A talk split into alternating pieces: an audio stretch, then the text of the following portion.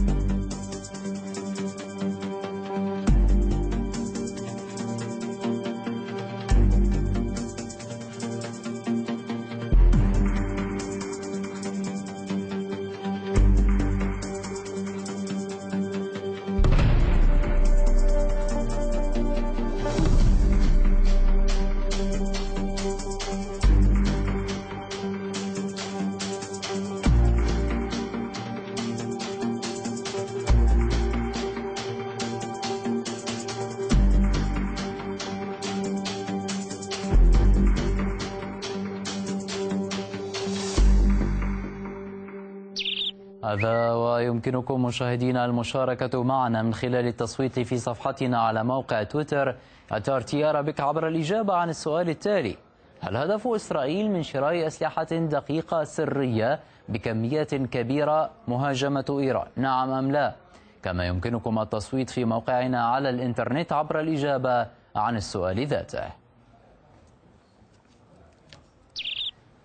وللحديث معنا من لندن الخبير في الشأن الإيراني والإقليمي نجاح محمد علي على أن ينضم إلينا من تل أبيب أستاذ العلوم السياسية في جامعة بار إيلان مردخاي كيدار. إذا البداية معك سيد نجاح برأيك هل إسرائيل جادة بالفعل بالتوجه إلى حل عسكري في المنطقة؟ إذا نظرنا إلى الاستعدادات العسكرية التسلح المتسارع وتهيئة جبهتها الداخلية.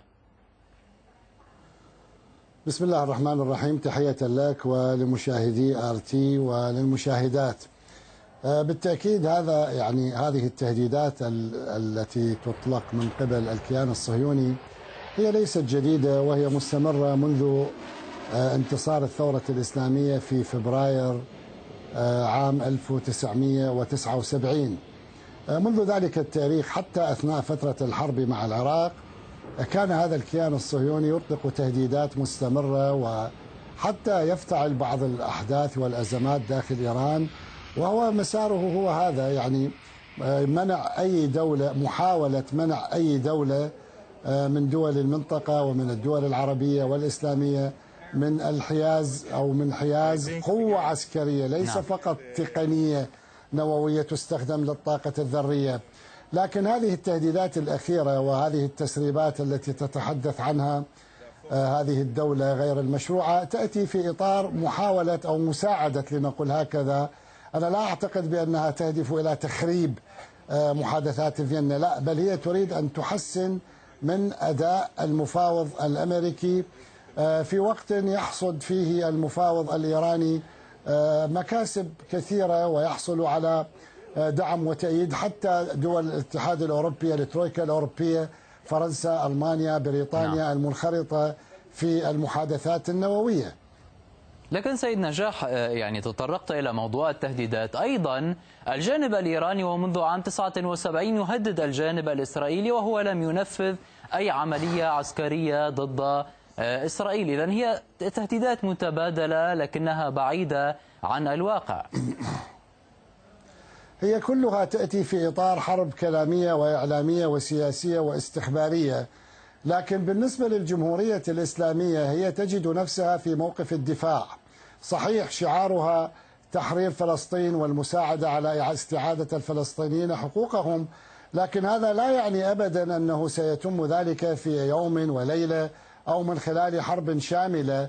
ومن خلال الكثير من المفاعيل الموجودة في المنطقة دعم إيران آه، لمحور المقاومة لحركات التحرر الموجودة في فلسطين في لبنان.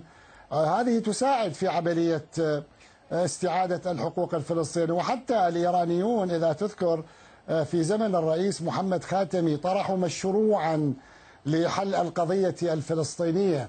يتلخص هذا المشروع بأن تصبح هذه الدولة هي لكل الموجودين في فلسطين من اليهود والمسيحيين والمسلمين وتحل قضية اللاجئين ويعودون إلى وطنهم يعني إيران لا تريد أصلا إيران في عقيدتها آه، الدفاعية هي لا تعتمد على الحرب الاستباقية أو الحرب الأولى أن تكون نعم. هي البادئة وهذا هذا ليس جديدا يعني ليس متعلقا فقط بنظام أين الجمهورية إذا أين لا لا. دكتور نجاح أين يأتي موضوع سلاح الطائرات المسيرة الصواريخ البالستية التي تشترط واشنطن أن يكون ضمن آه، بنود الاتفاق النووي القادم؟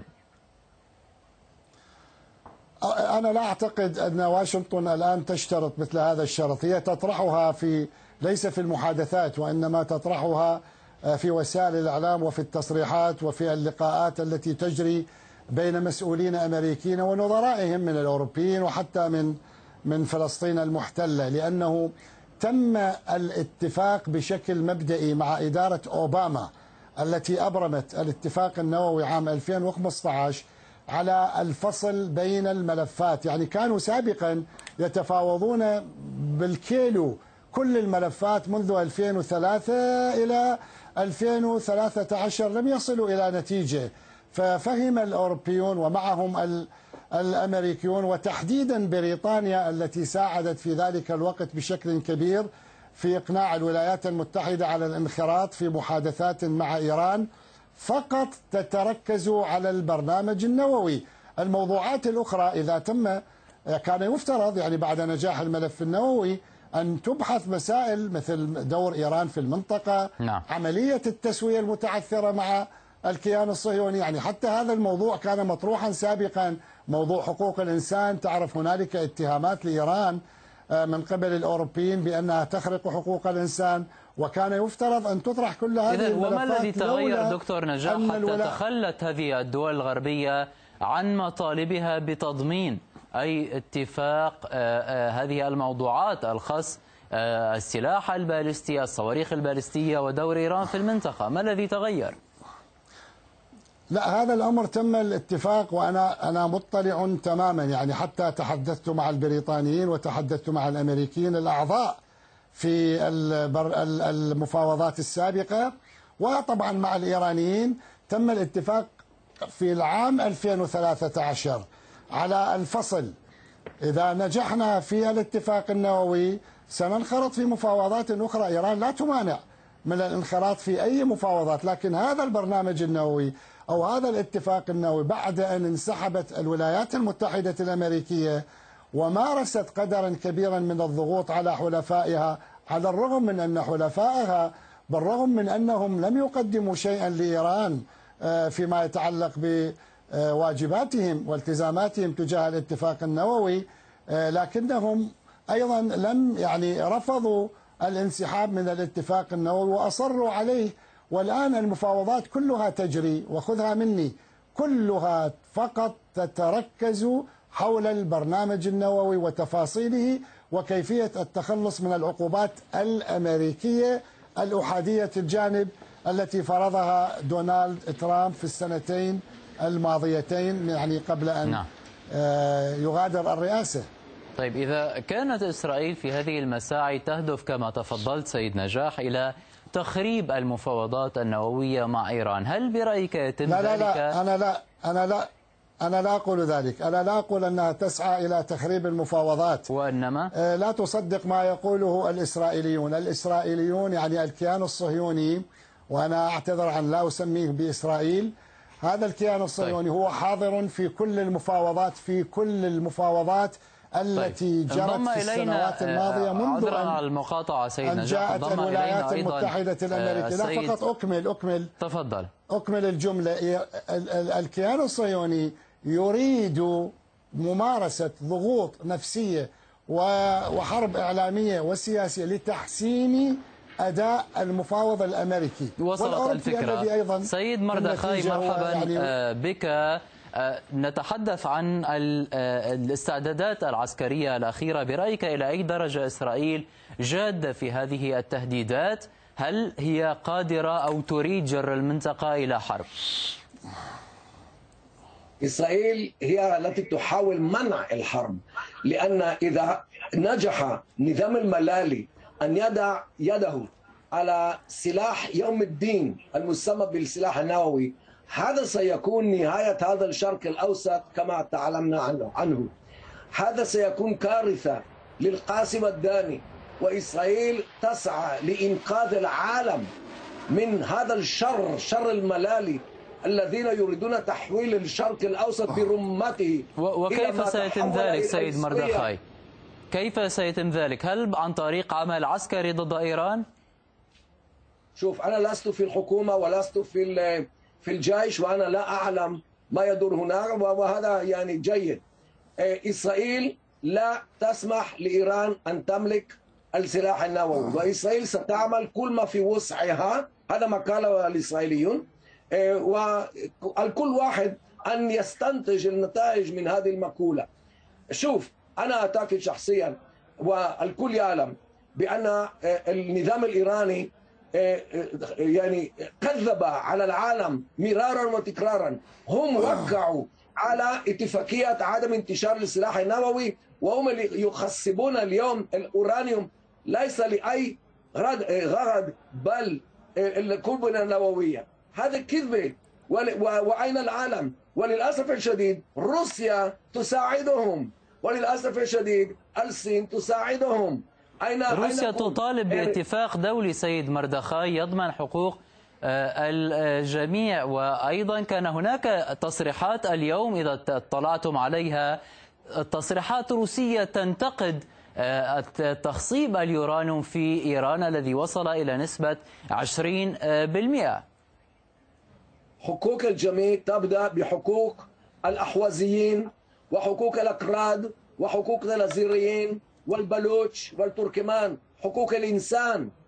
هذا الشيء الذي يعني ال ال ال النظام الإيراني يرميه بعرض الحائط ولا ولا يبالي لا بحياة الناس. شوف ما يدور تجفيف الأحواز نعم. تحت تجفيف الأنهار هذا ملف. آخر سيد مردخاي ربما سنتطرق إليه. نحن الآن نحن. الآن في آه، آه، سيناريوهات تصعيد عسكري. آه، سيد نجاح أعود إليك في حال آه، عمل عسكري آه، آه، من قبل إسرائيل برأيك هل ستكون الجبهة الإسرائيلية فقط مفتوحة على تصعيد إيراني أم أن هناك جبهات أخرى ستشارك في ذلك؟ آه، قبل أن أجيبك حول موضوع الجبهات آه، أرجعك إلى تحليل كتبه يوسي ميلمان الصهيوني الكاتب الصهيوني في صحيفة هارتس وكتب هذا المقال آه، يوم أمس. عنوانه العريض ضرب المواقع النووية الإيرانية مهمة مستحيلة لإسرائيل. مهمة مستحيلة. وهو يتحدث عن يقول تحتاج إسرائيل إلى حشد الشجاعة التي لا تمتلكها بالتأكيد فلاقتراح خطوة جريئة وخلاقة. إسرائيل أو الكيان الصهيوني اللقيط إذا أرادت أن تغامر وتقوم بعملية عسكرية تستهدف المنشآت النووية الإيرانية عليها أن تقطع. مسارا طويلا جدا هنالك فقط السعودية والأردن ربما يعني أنا لا أريد أن أتحدث كثيرا عن الموضوع التقني أو الموضوع اللوجستي الذي يحول دون أن تحقق هذه الدولة اللقيطة أي هدف من أهدافها العسكرية. لكن إذا أرادت أن تجرب حظها وهي بالتأكيد حتى اتفاقياتها مع الولايات المتحدة الأمريكية وأيضا أعيدك إلى هذا المقال المنشور فيها آرتس هو يتحدث يقول أن الولايات المتحدة الأمريكية لديها اتفاقية المظلة النووية مع هذا الكيان الصهيوني. أما في قضية الحرب الشاملة مع الجمهورية الإسلامية فالأمر مختلف. الآن الأولويات في إدارة بايدن هي ليست لشن حرب مع الجمهورية الإسلامية ومع حلفائها لكن لكن إسرائيل ستتصرف بمفردها دكتور نجاح. هكذا صرحت مرارا. لن تستطيع. أنا أقول هي أنا أقول طيب لك لنستمع إلى وجهة نظر السيد مردخاي. هذا الكيان سي سيد مردخاي. بس اسمح لي اسمح لي اسمح طيب لي. سأعود إليك سأعود إليك لتجيبني أيضا عن موضوع الجبهات المتنوعة في مواجهة إسرائيل. سيد مردخاي تحدث ضيفنا من لندن عن فكرة العمق الجغرافي الشاسع لإيران. يعني في حال أي تصعيد عسكري هناك مسافات شاسعة تريد إسرائيل أن تقطعها للوصول إلى تدمير المفاعلات النووية الإيرانية إذا ما فرضنا عدم مشاركة جبهات أخرى تمتد من لبنان إلى غزة إلى سوريا حتى الحوثيون الآن يهددون إسرائيل بالتصعيد. إسرائيل تعلم دروب الشرق الأوسط يعني وهي قد أثبتت ذلك منذ الكثير من السنين. هذا أولا. ثانيا المشكلة في إيران هي مشكلة الأقليات الغير فارسية التي تخطط لانتفاضة عارمة في السادس عشر من مارس القادم. وهذه المشكلة الصحيحة لأن 40 مليون نفر سينتفضون على النظام الملالي ويفككون الدولة إلى دول قومية مثل دولة عربية في الأحواز ودولة دولة بلوشية ودولة كردية نعم ودولة أسيرية ودولة تركمانية. هذه هي هذه لكن الاتفاق سيكون قد تم في آذار كما تتفضل إذا كان هناك انتفاضة كما تتحدث سيكون تم التوصل إلى اتفاق مع الجانب الإيراني ورفع العقوبات. الأموال ستأتي ستكون إيران أقوى من المرحلة الماضية. لنبقى في هذا الإطار لو سمحت. لا لا لا. ما حدث ما يحدث هو ما حدث للاتحاد السوفيتي الذي تفكك لدول قومية. ما حدث ليوغوسلافيا. ما حدث لتشيكوسلوفاكيا وهذا هو المستقبل المحتوم لدولة إيران. ولذلك شوف الفرس أقل من من نص السكان في إيران. ولذلك القوميات الغير فارسية تخطط لانتفاضة عارمة نعم. في في شهر شنبه السوري يعني عيد عيد الأنوار عيد النيران في السادس عشر من مارس القادم. هذا هو الشيء المهم فيما يخص إيران لأن إيران ستتفكك لا طيب. محالة. دكتور نجاح إذا يبدو هناك تعويل في إسرائيل على تفكك الجبهة الداخلية في إيران. ما هو رأيك في الموضوع؟ يعني هو رمتني بدائها وانسلت. هذا الكيان اللقيط يتألف من عدد لا حصر له من القوميات. يجمعهم فقط الدين اليهودي وليس فقط الدين اليهودي لأن الكثير من اليهود المتدينين هم لا يؤمنون بقيام دولة إسرائيل في عصر التيه. وعلى سبيل المثال ناتوري كارتيا الموجودة في الولايات المتحدة وفي داخل فلسطين وهنا وفي كل مكان وينظمون تظاهرات باستمرار تنادي بإزالة هذه الدولة غير المشروعة. هذا واحد. اثنين الصهيونية أيضا بدأت تضعف يعني كغطاء سياسي ليجمع اليهود والدليل على ذلك مئات مئات الكتب التي يكتبها مؤرخون صهاينة يهود في داخل فلسطين المحتلة. وأنا ذكرت لكم في, في لقاءات سابقة أسماء عدد من هؤلاء المؤرخين الذين يتحدثون يقولون كل يهودي مستوطن بيده جوازان جواز سفر من الدولة محظوظ من يملك مثلا جواز سفر أمريكي حتى يستطيع المغادرة بسرعة إلى الولايات المتحدة الأمريكية وهذا قانون العودة اللي تم إقراره في الكنيست عام 1950 طيب. الذي يعطي الجنسية الإسرائيلية بين قوسين طيب لكل يهودي سيد نجاح وصلت في الفكرة يعني يولد في, كل في مكان. في هذا أقول الموضوع. أقول أقول نعم. إذا نعم تسمح لي لا لا لو. سمحت. أقول أقول إن أن هذا الكيان الآن هو يقوم بمهمة وظيفية لصالح الولايات المتحدة الأمريكية لتحسين أداء المفاوض وخذ ما رأيك سيد على مردخاي بهذا الطرح شمبر سوري. تلعب. دورا آه، وظيفيا في تحسين شروط المفاوض الأمريكي من خلال لهجة التصعيد هذا أنا أعتقد أن الأمريكيين سينسحبون من هذه المفاوضات بعد أن اكتشفوا بأن الإيرانيين كل ما يريدون هو كسب الوقت وال- والتقدم في تطوير الأسلحة النووية هم وبطبيعة الحال يريدون إزالة العقوبات أيضا. هذا ما يريدون. هم يكذبون مرة تلو الأخرى والأمريكيون سوف يكتشفون ذلك إن لم يكتشفوا حتى الآن. ولذلك أنا أعتقد أن هذه المفاوضات ستؤدي إلى لا شيء. ولذلك كل الأبواب مفتوحة أمام الحلول الأخرى. ما هي الحلول الأخرى سيد مردخاي؟ عن أي حلول نتحدث بمشاركة إسرائيل؟ مشاركة إسرائيل ومشاركة العالم المتحضر الذي سيجتمع ضد هؤلاء الهمج الذين. يعني يخيفون العالم بأسره شوف الصواريخ ال- الإيرانية اليوم تهدد لندن شو هذا الحكي على لندن هم تصل إلى لندن ومع المزيد من الوقود ستصل إلى نيويورك وهذا هذا شيء معلوم هذا إسرائيل ليست لي- ليست وحدها في هذا الخطر العالم بأسره العالم المتحضر بأسره ربما ال- و- وهل سيقف هذا العالم سيد مردخاي في حال في حال بدء حرب هل سيقف هذا العالم مع إسرائيل في آه، تصعيدها العسكري ما- تم؟ لا ما ليس مع إسرائيل مع نفسه.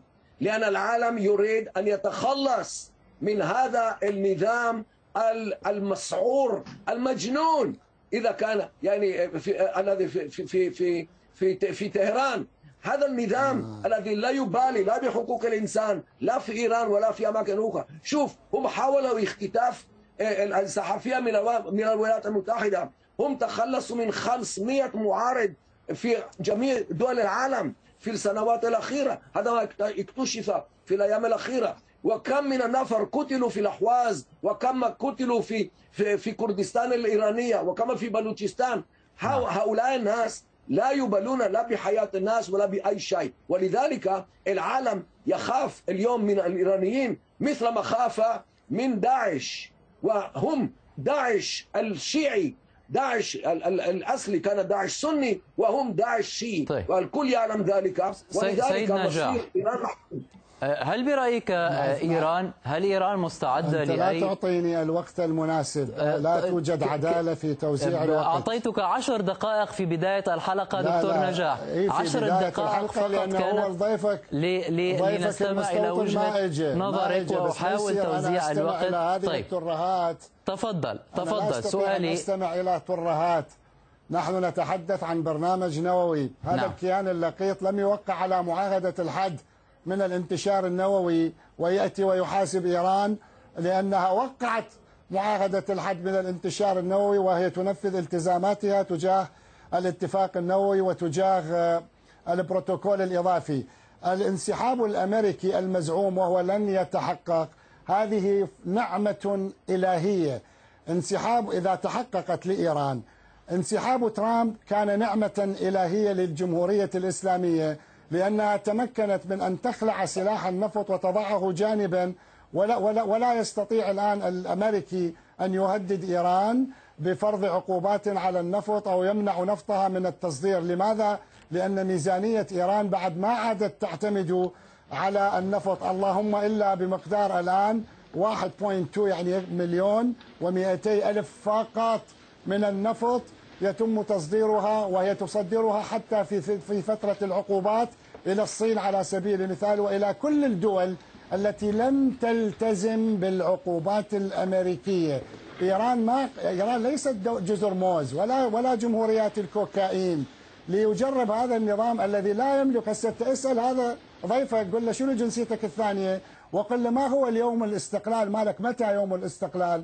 عندكم يوم وطني وأنتم تأسستوا ب 1948 بمجازر وحشية.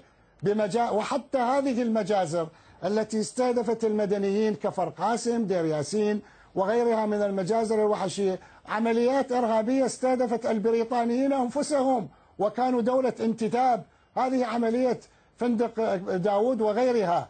ها أقول لك هذه جعجعة لا يمكن لأحد أن يصدقها. إيران دولة حضارية عمرها أكثر من تسعة آلاف سنة سبعة آلاف سنة فقط قبل الميلاد. هؤلاء المؤرخون كلهم يتحدثون عن هذه الدولة العريقة وإيران يجمعهم القوميات الفارسية والآذرية والعربية والبلوشية والتركمانية يجمعهم الدين والإسلام. وهو هو هي طيب. دولة إسرائيل اللقيطة تأسست عام 1948 وفي طيب 2018 أصدرت قانون قانون سمته بالدولة بالدولة الدينية الدولة اليهودية. فكيف أنت مهدد وبيتك من زجاج ومهدد بانفراط هذا العقد من القوميات نعم. الهائل على الأقل في إيران فقط ست قوميات طيب وصلت الفكرة سيد مردخاي كما يتفضل ضيفنا من لندن إيران مستفيدة في حال آه، آه، خروج واشنطن وصدقني أخي أسامة صدقني طيب. أخي أسامة إذا انسحبت واشنطن من الاتفاق إنه إيران الآن لا تتعامل وكأن الاتفاق موجود بالمناسبة. اذا ايران إيران أقوى الآن من, من فترة قادمه سيد مردخاي عند هذه النقطه نعم من مصلحة من مصلحة طهران الانسحاب من الاتفاقات وعدم التوصل إلى اتفاق جديد. إسرائيل الآن إذا أرادت مواجهة إيران ستواجه جبهة شمالية ممثلة بحزب الله وجبهة في الجنوب ممثلة بغزة. هناك أيضا قدرات جديدة دفاعية في سوريا. لن تتمكن الطائرات الإسرائيلية الطائرات الإسرائيلية من اختراقها. الآن يتم ضرب أهداف القدس. سيد نجاح استمعنا إليك لو سمحت. استمعنا إليك يا سيد نجاح. نعم. خلت مطار بن غوريون خلت مطار بن إيران ليست منفردة في أي مواجهة مقبلة. هل إسرائيل قادرة على ذلك؟